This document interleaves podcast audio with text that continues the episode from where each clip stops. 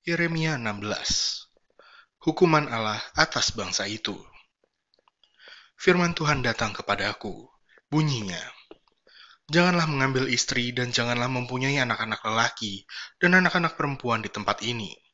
Sebab beginilah firman Tuhan tentang anak-anak lelaki dan anak-anak perempuan yang lahir di tempat ini.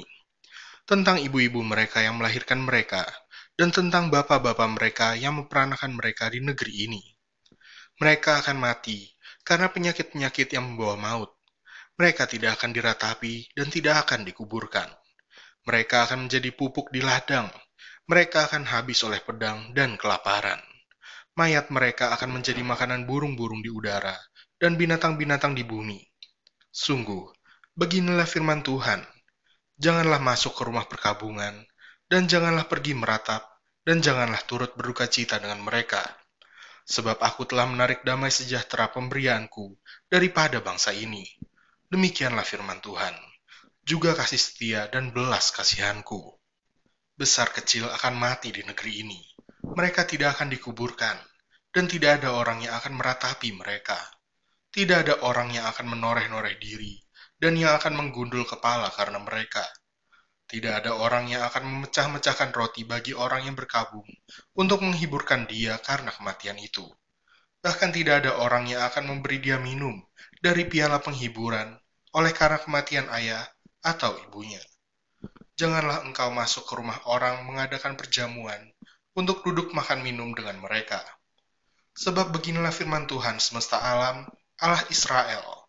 Sesungguhnya, di tempat ini, di depan matamu, dan pada zamanmu, akan kuhentikan suara kegirangan dan suara sukacita, suara pengantin laki-laki dan suara pengantin perempuan.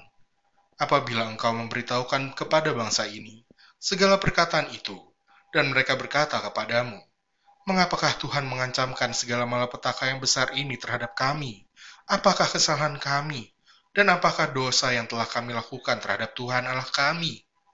Maka engkau akan berkata kepada mereka, Oleh karena nenek moyangmu telah meninggalkan aku, demikianlah firman Tuhan.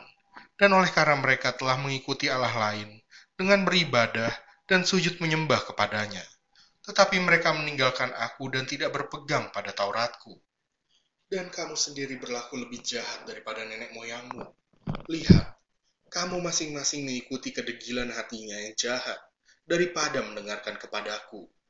Maka aku akan melemparkan kamu dari negeri ini ke negeri yang tidak dikenal oleh kamu ataupun oleh nenek moyangmu.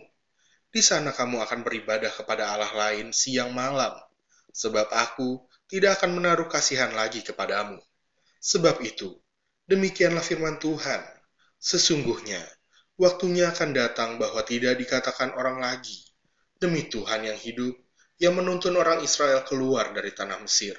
Melainkan, demi Tuhan yang hidup, yang menuntun orang Israel keluar dari tanah utara, dan dari segala negeri ke mana ia telah mencerai beraikan mereka.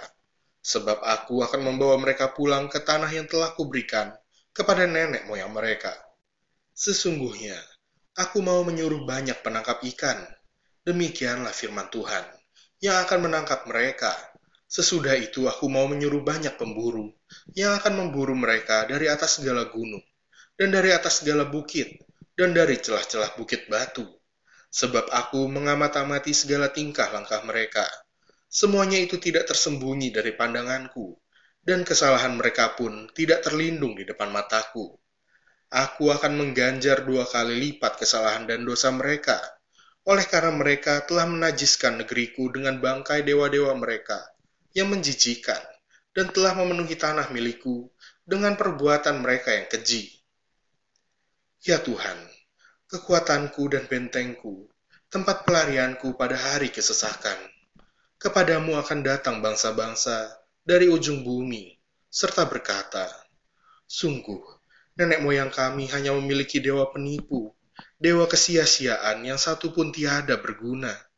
Dapatkah manusia membuat Allah bagi dirinya sendiri? Yang demikian bukanlah Allah. Sebab itu, ketahuilah, aku mau memberitahukan kepada mereka. Sekali ini, aku akan memberitahukan kepada mereka kekuasaanku dan keperkasaanku supaya mereka tahu bahwa namaku Tuhan.